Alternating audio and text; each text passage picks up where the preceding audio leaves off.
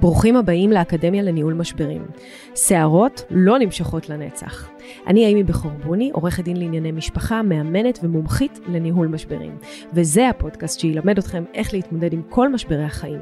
נפגוש אנשים שעברו משברים מכל הסוגים.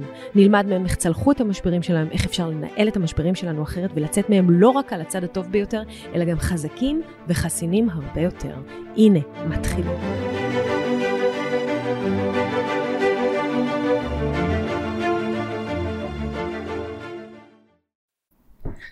ברוכים הבאים לפודקאסט שלי, אה, האקדמיה לניהול משברים. אנחנו כאן דנים בכל סוגי המשברים בחיים, איך להתמודד איתם, נפגשים עם אנשים שכבר עברו אותם, ומדברים על המשברים שבאמת פוקדים אותנו בחיי היום-יום, שאף אחד לא לימד אותנו בעצם איך להתמודד איתם. והיום אני רוצה לדבר איתכם על משבר שאולי הוא המשבר הכי רווח בין בני זוג, והוא נקרא משבר ההתלבטות, ככה אני קוראת לו. כי אין בני זוג שנמצאים בזוגיות ארוכה, אפילו לא ארוכה מאוד, אבל אינטנסיבית, שמוגדרת זוגיות, שלא נתקלים ברגע הזה של אני באמת צריך להישאר פה, או אני צריך להתגרש, או אני צריך להיפרד, או אני צריך לפרק. והרגע הזה של התלבטות מגיע תמיד, כמעט בכל מערכת יחסים. אגב, הוא מגיע גם בשותפויות, הוא מגיע בחברויות, לפעמים אנחנו שואלים את עצמנו, כשיש משברים בזוגיות, או משברים בחברות, או משברים בשותפות, האם זה באמת השלב הזה שבו אני צריך לקום וללכת? מתי הרגע הזה שבו אני צריך לקום וללכת? מתי הרגע הזה שבו אני מחליטה החלטה שמשנה את החיים שלי? כי זאת ההחלטה שהיא לטובתי. ומי שחושב שהתלבטות היא לא משבר, לא מבין מה זה משבר. כי משבר זה בעצם הפער הזה בין המציאות שלי שמכה בי בעוצמה, לבין הפנטזיה שלי של מה שהייתי רוצה שיקרה. וכשהרגע הזה מגיע, ופתאום כל החלום הפנימי שלי נשבר, כל הפנטזיה של איך זוגיות צריכה להיראות מבחינתי נשבר, או אכזבה כלשהי, או פגיעה, אני, אני מתלבטת, וההתלבטות הזאת היא משבר, כי היא צובעת את כל החיים שלי באותו רגע בתחושה שאני צריכה להחליט. והחלטה עוצרת אותנו. אנחנו עוצרים, ואנחנו צריכים לשקול מחדש, ואנחנו צריכים להחליט. ולמרות שאנשים מאוד לא אוהבים לעשות את זה, קשה להם לעשות את זה ברגעי האמת, הם צריכים לשבת ולקבל החלטה על החיים, הם תמיד דוחים אותה עוד ועוד ועוד. ואנשים שמגיעים אליי אה, לייעוצים, אני רואה אותם לפעמים לכודים בתוך מערכות יחסים של המון שנים, שהם אומרים לי, אני כבר שנים יודעת שאני לא צריכה להיות שם, אני כבר שנים מרגיש שהדבר הנכון זה לקום וללכת. ובעצם הפער הזה בין להחליט לבין לעשות הוא פער מאוד מאוד אה, משברי. ו... הוא מייצר אצלנו גם אנרגיות שקשה לנו אחר כך להתמודד עם עוד חזיתות בחיים. זאת אומרת, אם אנחנו היינו רוצים שהבית שלנו יהיה העוגן שלנו, יהיה הכוחות שלנו, יהיה המקום אליו אנחנו באים ככה להניח את הראש, שזה ככה אמור להיות, משפחה שלנו. ו... ה-safe place, ואז במקום שזה יהיה safe place, אנחנו מגיעים למקום שהוא מלא בשאלות עבורנו, שאלות פנימיות. כן אני צריך להיות כאן, לא אני צריך להיות כאן. הוא לא מתנהג אליי מספיק יפה, אני חושדת שכשהוא בוגד בי, הוא לא חבר שלי, הוא כן חבר. כל האירוע הזה מכניס אותנו למשבר, כי אז זה הופך את החיים שלנו בעצם לפחות טובים, ואפילו אנחנו נמצאים באיזשהו דיסוננס קוגניטיבי, זאת אומרת מצד אחד אנחנו יודעים שזה הבית שלנו, היינו רוצים ש- שהוא יהיה אחרת, ומצד שני אנחנו לא מסוגלים לקבל החלטה. אז המשבר הזה של התלבטות הוא, הוא רגע לא פשוט, ואני חושבת שאני זיקקתי אותו. בסדנה שלי עשיתי אה, סדנה שאני קוראת לה סדנה ל, אה, למניעת גירושים, או הסדנה לאיך נשאר נישואים, זה תלוי מאיזה כיוון מסתכלים עליה. ואני, ואני חושבת שהפתיח של הסדנה בעצם עוסק בשאלת ההתלבטות הזאת, הזאת בצורה מאוד אה, מובנית. ואני רציתי להביא לכם את, ה, את המשבר הזה ומה אנחנו יכולים לעשות. אז קודם כל, גיליתי שיש פער בין הרגע שאדם חושב בפעם הראשונה על גירושים או פרידה, ועד לרגע שהוא הולך בעצם לקבוע פגישה אצל עורך דין, נכון? זה בעצם הפער. אפילו הרגע הזה של ללכת לעורך דין שאומר, אני צריך לקבל מידע על משהו שאולי הופך להיות אופציה, זה כבר מאוד מאוד מפחיד ומעורר הרבה הרבה חרדות. כי אם הלכתי כבר לעורך דין לשמוע מה יכול לקרות אם אני אפרד, אולי זה אומר א', שאני כבר יותר בשל ורוצה להיפרד, וזה באמת מפחיד, וגם זה כבר סוג של איזושהי אה, בגידה מבחינת האדם שהולך להתלב, להתלבט על זה עם עורך דין, זה כאילו מעשה חד צדדי, כאילו אני הולכת להגן על האינטרסים שלי, הפעם לא כזוג, אלא כ, כאינדיבידואל. ויש ברגע הזה המון עומס אה, אה, רגשי שאנחנו שמים עליו.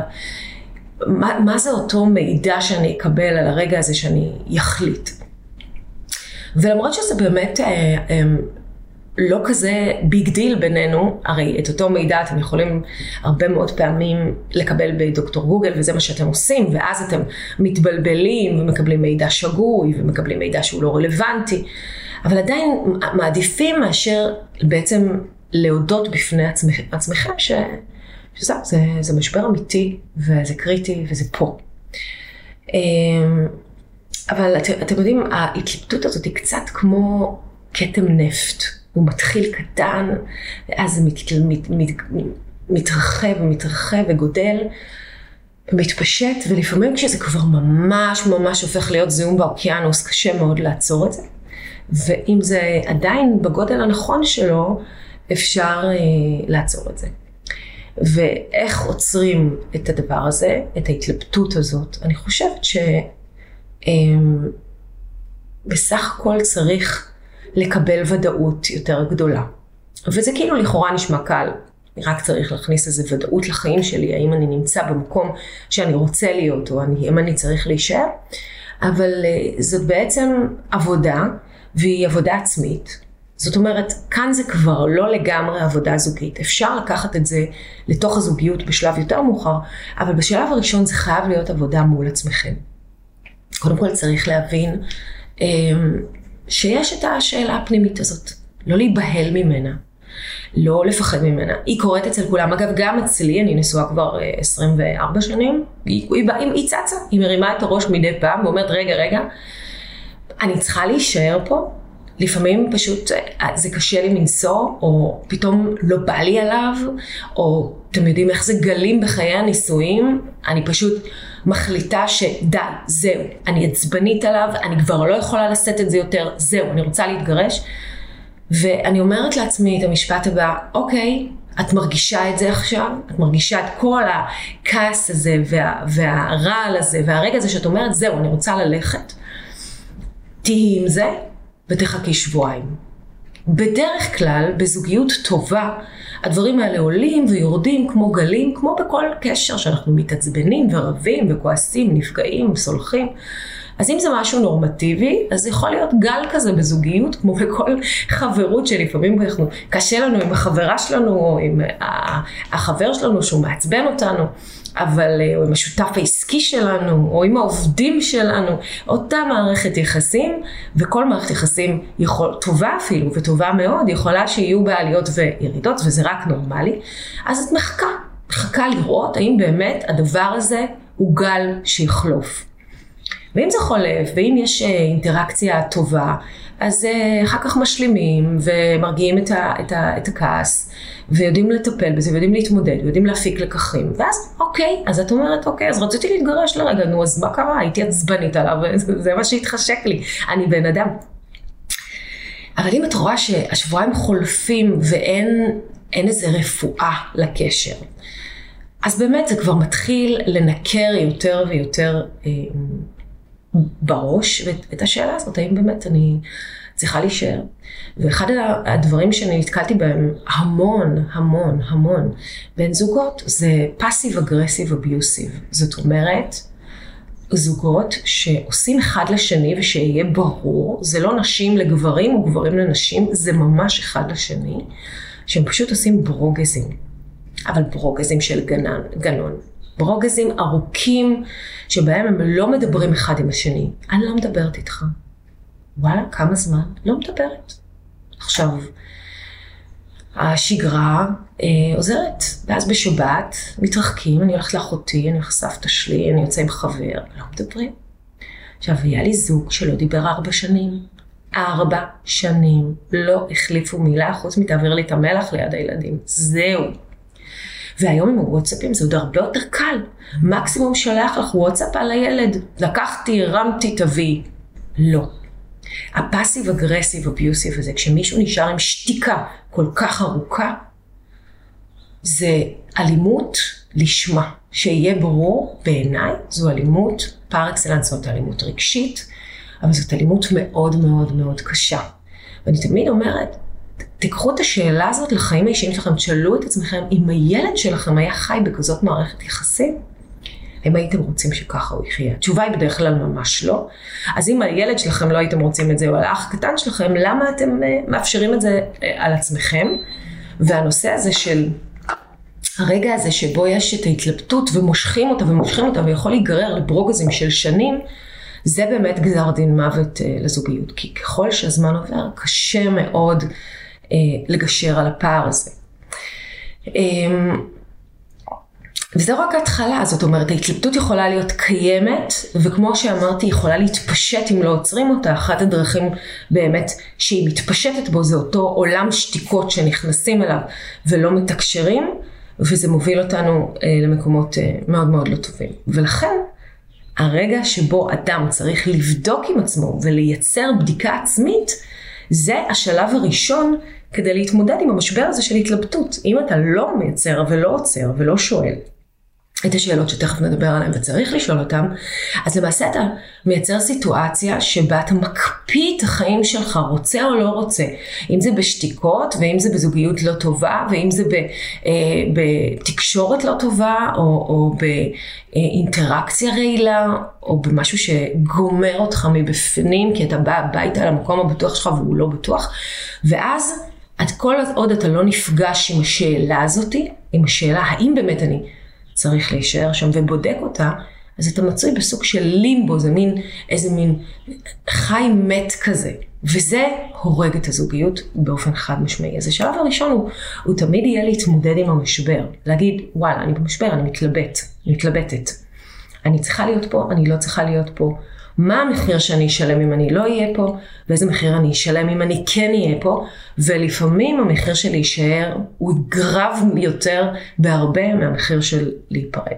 אה, מה בעצם יושב ב, בתוך הגרעין הזה של לא להיפגש עם השאלה הזאת ולעבוד עליה? זה בעצם הפחד משינוי. אנשים מאוד מאוד מפחדים משינוי. ובטח שינויים שהם כל כך גדולים, אה, משמעותיים, ואין ויכוח שגירושים זה שינוי אולי הכי דרמטי שתייצרו בחיים שלכם, כי כשאתם מחליפים עבודה אז אתם עושים שינוי קריירה, כשאתם מחליפים, אה, כשאתם מרזים אז אתם משנים גרדרובה, כשאתם הופכים להיות טבעונים אתם משנים רק את האוכל. אבל בגירושים אתם משנים הכל. זאת אומרת, החיים שלכם באמת לא יהיו כמו שהם היו קודם. בדרך כלל הכתובת שלכם תשתנה, כי מה לעשות, מפרידים מגורים, אה, הזמן שבו תראו את הילדים שלכם ישתנה, כי חולקים אותו, חשבון הבנק שלכם ישתנה, כי הוא כבר לא יהיה משותף ותצטרכו חשבון משלכם. אה, החברים שלכם ישתנו, כי החברים יצטרכו לבחור צד, אין מה לעשות, זאת האמת, הם לא ימשיכו עם שניכם באותו רמת קשר. בקיצור, זה שינוי ענק ואמיתי שדורש התייחסות, אבל ה, ה, לא להתמודד עם ההתלבטות ולא להתמודד עם זה שצריך לפעמים אה, לעשות את השינוי הזה, מייצר הרבה דברים הרבה יותר חמורים מרק שינוי. ו, אה, וכדי להחליט בעצם צריך אה, לבדוק כמה דברים. אז בוא נדבר על המשבר הזה של התלבטות. אני מתלבטת, וכמו שאמרתי מקודם, עברו שבועיים, או אפילו שלושה, או אפילו חודש, ולא השתנה התחושה שלי שאני לא צריכה להיות באינטואיציה שלי הפנימית, לא משחררת אותי ואני לא מרגישה אהבה, אני מרגישה כעס, אני מרגישה אה, ירודה, אני מרגישה שהבית שלי לא בא לי לחזור אליו, בגלל מי שיש בו, לא בגלל הקירות. אז אני צריכה לבדוק, אני צריכה לבדוק. קודם כל אני אשאל את עצמי, אם ניסיתי הכל, כדי לטפל בזוגיות. זה השלב הראשון. השלב הראשון של ההתלבטות יהיה, האם ניסיתי הכל? וניסיתי הכל זה אומר, האם באתי והצעתי אמ, פתרונות? כן, אני יכולה לייצר פתרונות. לכל בעיה שיש, אני יכולה לחשוב על הרבה מאוד אה, סוגים של פתרונות, ואני יכולה לייצר אותם. האם באתי והצעתי לו, תשמע, בוא ניסע ביחד רגע לחופשה של שבוע, נשאיר את הכל מאחורה ונהיה רגע ביחד, ונראה אם אנחנו עדיין יודעים ליהנות אחד מהשני. אנחנו עדיין יכולים להיזכר ברגע הזה שהתאהבנו, אמ, שהתחלנו, בפאשן שהיה בינינו ברגעים הראשוניים. האם אנחנו יכולים רגע לשחזר את זה? האם זה עוד שם? אמ, אני יכולה להציע לו טיפול, אני יכולה להציע לו כל מיני סוגים של טיפול.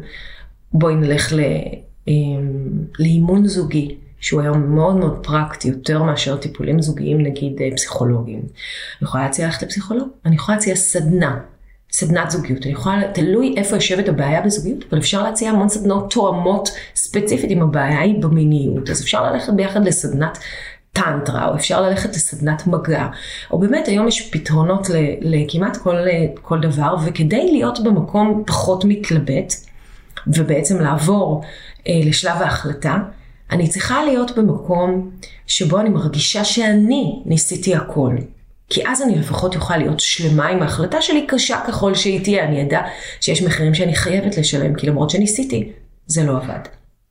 אז הדבר הראשון זה בעצם להציע איזושהי בדיקה, אינטרוספקציה עצמית של טיפול אישי או טיפול זוגי, אה, ביחד או לחוד. וזה בוודאות משהו שאף אחד לא הולך להתגרש, או לא צריך לדעתי ללכת להתגרש, לפני שהוא בודק את האופציה של לטפל קודם כל בעצמו, כדי להבין את המקום שהוא נמצא בו, את האחריות שלו בקשר, את החלק שלו במשבר, את החלק שגרם אה, אה, לו אה, להרגיש ככה. למה אני אומרת את זה? כי כידוע לכם, כל משברי הזוגיות בסופו של דבר, אוקיי, אמרתי כל, זה קצת קשה. אולי רוב משברי הזוגיות הם 50-50.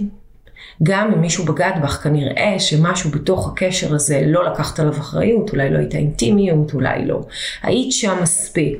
יש המון פעמים, אה, בוא נגיד רוב הפעמים, אחריות היא מאוד מאוד משותפת.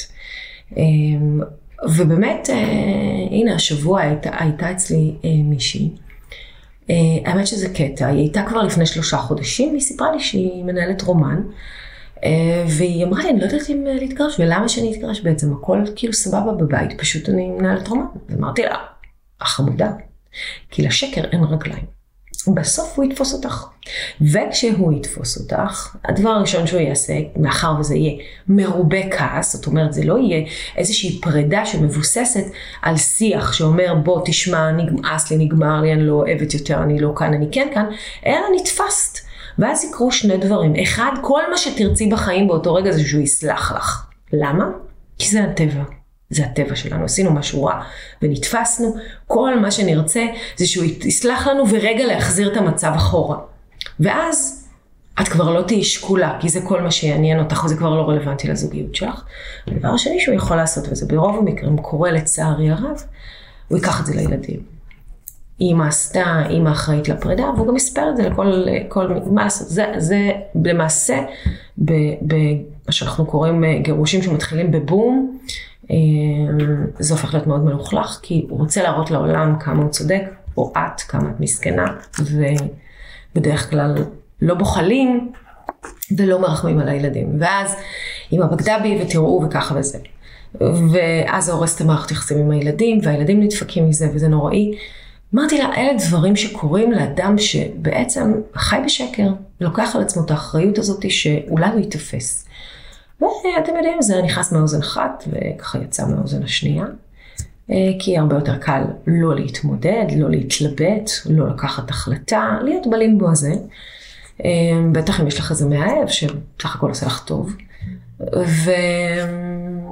ומה לעשות שביום שישי האחרון הוא פשוט תפס אותה. והייתה היסטריה מאוד מאוד מאוד מאוד גדולה, אה, כולל אה, אלימות מצידו, והיא לא הלכה למשטרה כי היא הרגישה שמגיע לה, מגיע לה. והיא התקשרה אליי ואני אמרתי מיד משטרה, כי אלימות זה עד פה.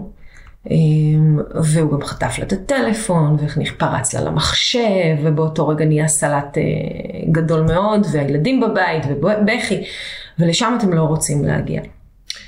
אמ, אז שם אני לא יודעת להגיד לכם בסופו של דבר אם היה יותר נכון, בעצם אני כן יודעת, היה הרבה יותר נכון שהיא תבוא ותגיד, אוקיי, אני לא מעוניינת להיות בקשר הזה. אבל מה שרציתי להגיד על, ה, על הסיפור הזה, זה שגם פה יש 50-50, היא לא סתם בגדה בו. הוא לא היה בבית, הוא לא התייחס אליה, לא היה תקשורת, אמ, היא בכלל לא, לא אפשר לה למצות את הפוטנציאל שלה, לא רצה שהיא תעבוד, ועוד המון המון המון המון דברים. זאת אומרת, בדרך כלל כן 50-50, ואני חושבת ששווה כשמתחילים להתלבט, ללכת קודם כל לטיפול ולהבין מה החלק שלי באירוע, מה האחריות שלי, למה הסכמתי, לאן נגררתי אם בכלל, והאם אני יכולה רגע לשנות את זה. והאם אני אה, בסדר או לא בסדר, ו- והרבה מאוד פעמים, הרבה מאוד פעמים, משברי זוגיות נפתרים כשאפילו צד אחד לוקח אחריות. כי כשצד אחד משנה את השיח וזז מהמשבצת, הצד השני חייב לזוז. ופתאום מקבלים תוצאות.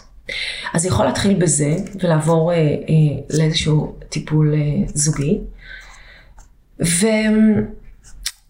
והשלב הבא של ההתלבטות יהיה לשבת ולעשות עם עצמי איזשהו אה, טבלת בעד ונגד, הכי פשוט. אה, מה, למה אני מתלבטת, ומה יקרה אם ככה, ומה יקרה, זאת אומרת, בחלק האחד של הטבלה זה אם אני אשאר, ובחלק השני זה אם אני אתגרש, או אם אני אפרד. אבל לא רק ברמה של אה, מה יקרה לחשבון הבנק שלי, אלא ברמה רגשית. ברמה רגשית. אה, איך השינוי הזה ייראה? כמה הפחד מנהל אותי בעצם, וזה יעלה מה, מהטבלה. כי אם אתם תכתבו שם, אני ממש רוצה לעזוב, אבל מה יקרה? חרדה כלכלית, חרדה קיומית, אם אני אשאר לבד, מי ייקח אותי, אה, וכאלה, אז אתם מבינים שמה שמוביל אתכם בהישארות הזאת זה פחדים. ואם אה, אה, הטבלה תגיד, הוא החבר הכי טוב שלי, איבדנו את זה, לצערי לא דיברנו בשנה האחרונה, הקורונה גבתה מחיר של מריבות, או לא חשוב מה, אז אתם יודעים שיש הרבה מאוד על מה לעבוד. ובעצם אני, אני רוצה לספר לכם עוד סיפור אמ, על, על, על בחור בשם רני שהגיע אליי לייעוץ.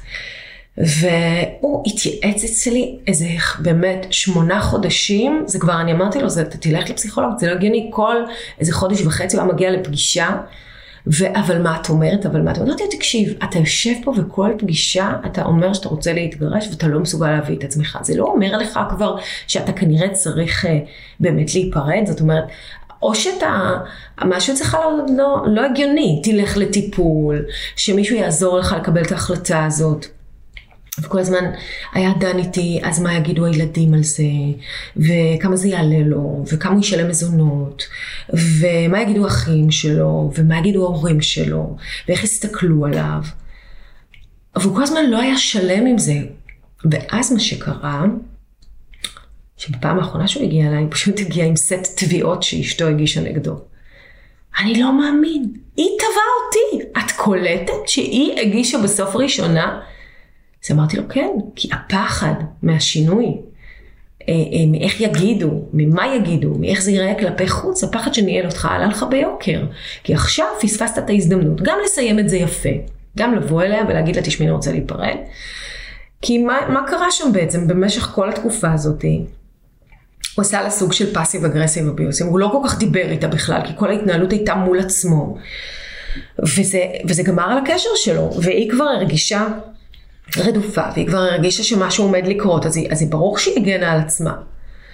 ויש לזה מחיר, ובמחירים שם לא פשוטים, אני לא מדברת על המחיר של האגו, שבסוף אחרי הכל היא עשתה את זה, אלא בכיס, קבלת החלטות אה, עם הילדים, הוא לא התקדם, היא החליטה, עכשיו הוא צריך להתנהל בערכאה שלו נוחה לו, הפחד שיתק אותו. עכשיו, בסדר, כולנו מפחדים משינויים, זה אנושי, אבל אם אתה מתייחס להתלבטות הזאת כמשהו שצריך להגיע לכדי החלטה, אז המשבר הזה צריך להיפתר בהחלטה ותוכנית פעולה. ובתוכנית, תוך תוכנית הפעולה הזאת, שאני יצאתי לרני המון תוכניות פעולה, והוא פשוט סירב להסתכל עליהן מרוב פחד, אמ, יש מחיר, המחיר הזה של לעבור דרך הפחד ולהגיד, אוקיי, מה לעשות, נגמר, אני חייב לסיים את זה. ובאמת ודאות אני חושבת עוזרת לנו לקבל החלטה. אם אנחנו מטפלים במקום הרגשי הזה ולוקחים את ההחלטה שלנו ממקום רגשי שלם, אה, עברנו יחד איזה ייעוד זוגי או סדנה או טיפול, טיפלתי בעצמי והבנתי שאין מה לעשות, זה נגמר לי וזה קורה. נורא עצוב אבל זה, זה הרבה פעמים אה, קורה אחרי הרבה שנים, אה, גם לא אחרי הרבה שנים. אז בסופו של דבר הפרידה היא אופציה, נכון? כאילו, עשינו הכל כדי לא להגיע לשם, אה, אבל לפעמים אין לנו, אין לנו ברירה. אה, והמחשבה הזאת, אם היא לא מחשבה חולפת, כן? ההתלבטות, אלי, אני צריכה להתגרש, לא, אני לא רוצה להיות כאן. אם המחשבה היא לא מחשבה חולפת, אז צריך לבחון אותה. עכשיו, אני אתן לכם רשימה של שאלות שאני חושבת שמהווים את המבחן האולטימטיבי בעצם, מבחן שאני עצרתי, כן, שאלון, אני קוראת לו שאלון לבחינת היחסים, אה, שבעצם אומר לי אם יש שם עוד משהו ויש משהו לעבוד עליו, או שבאמת כל התשובות הן לא, ואז וואלה, אין פה באמת התלבטות, יש פה רק פחד משינוי. אז השאלות הן כאלה, האם אני אוהב? נכון? האם אני אוהבת אותו? עדיין. האם אני מאושרת? ביום יום שלי, בקטנה, כשאני יושבת איתו לקפה בבוקר, כשאני פוגשת אותו בערב, אה, כשבשבת, כשאני רואה אותו, כשיש לי זמן אישי איתו, כשהוא אומר לי בואי ניסע לצימר, או כשהוא אומר לי אה, בואי נלך להורים שלי, האם אני עדיין מאושרת מלהיות לידו? האם אני סומכת עליו? האם אתה סומך עליה? נכון? בלי חברות, בלי חברות, אין זכות קיום לקשר ארוך. בסופו של דבר, אנחנו לא איזה מכונה שרק מנהלת ילדים, שבסוף אגב יוצאים מהבית ונשארים אחד עם השני. כי החברות היא זאת שמחזיקה את הקשר. כל אהבה, תשוקה, אה, שמתחלפת בחברות, תגרום לקשר הזה להחזיק את השנים שהוא צריך להחזיק. כי לחבר שלכם אתם אמיתי, אתם לא תעשו דברים רעים. בחבר אמיתי אתם לא תבגדו, בחבר אמיתי, עם חבר אמיתי אתם תשתפו. האם אתם באמת משתפים אחד את השני? האם יש לכם בדיחות פנימיות? רק שלכם, שרק אתם מבינים וזוכרים נוסטלגיות קטנות.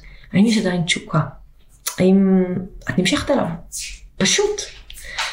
האם אתם מתנשקים כשאתם עושים סקס? תקשיבו, אתם לא מתארים לעצמכם כמה אנשים לא מתנשקים כבר בזמן שהם עושים סקס. וזה דרמטי, כי זאת אינטימיות.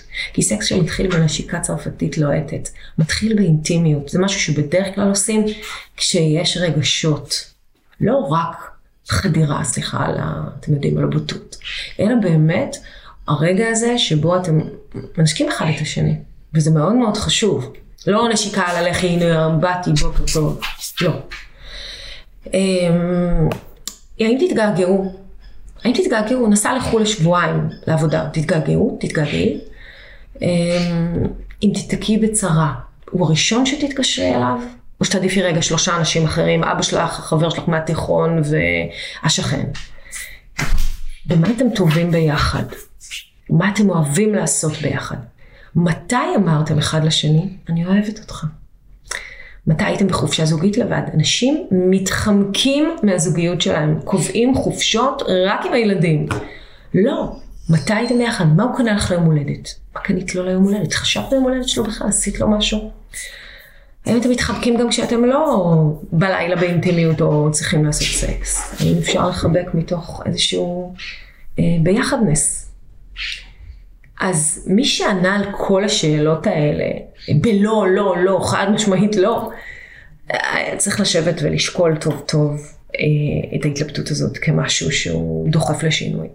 ומי שענה אפילו על חלק מהדברים אה, כן, אז צריך לזכור שחיי זוגיות אה, ונישואים מרובים עליות ומורדות. והשאלות האלה נבחנות לאורך זמן. ו, ו, ו, ואם יש שם את הגרעין הזה, כן? אז אפשר לפתח אותו, אפשר להחזיר אחורה, אפשר לזכור.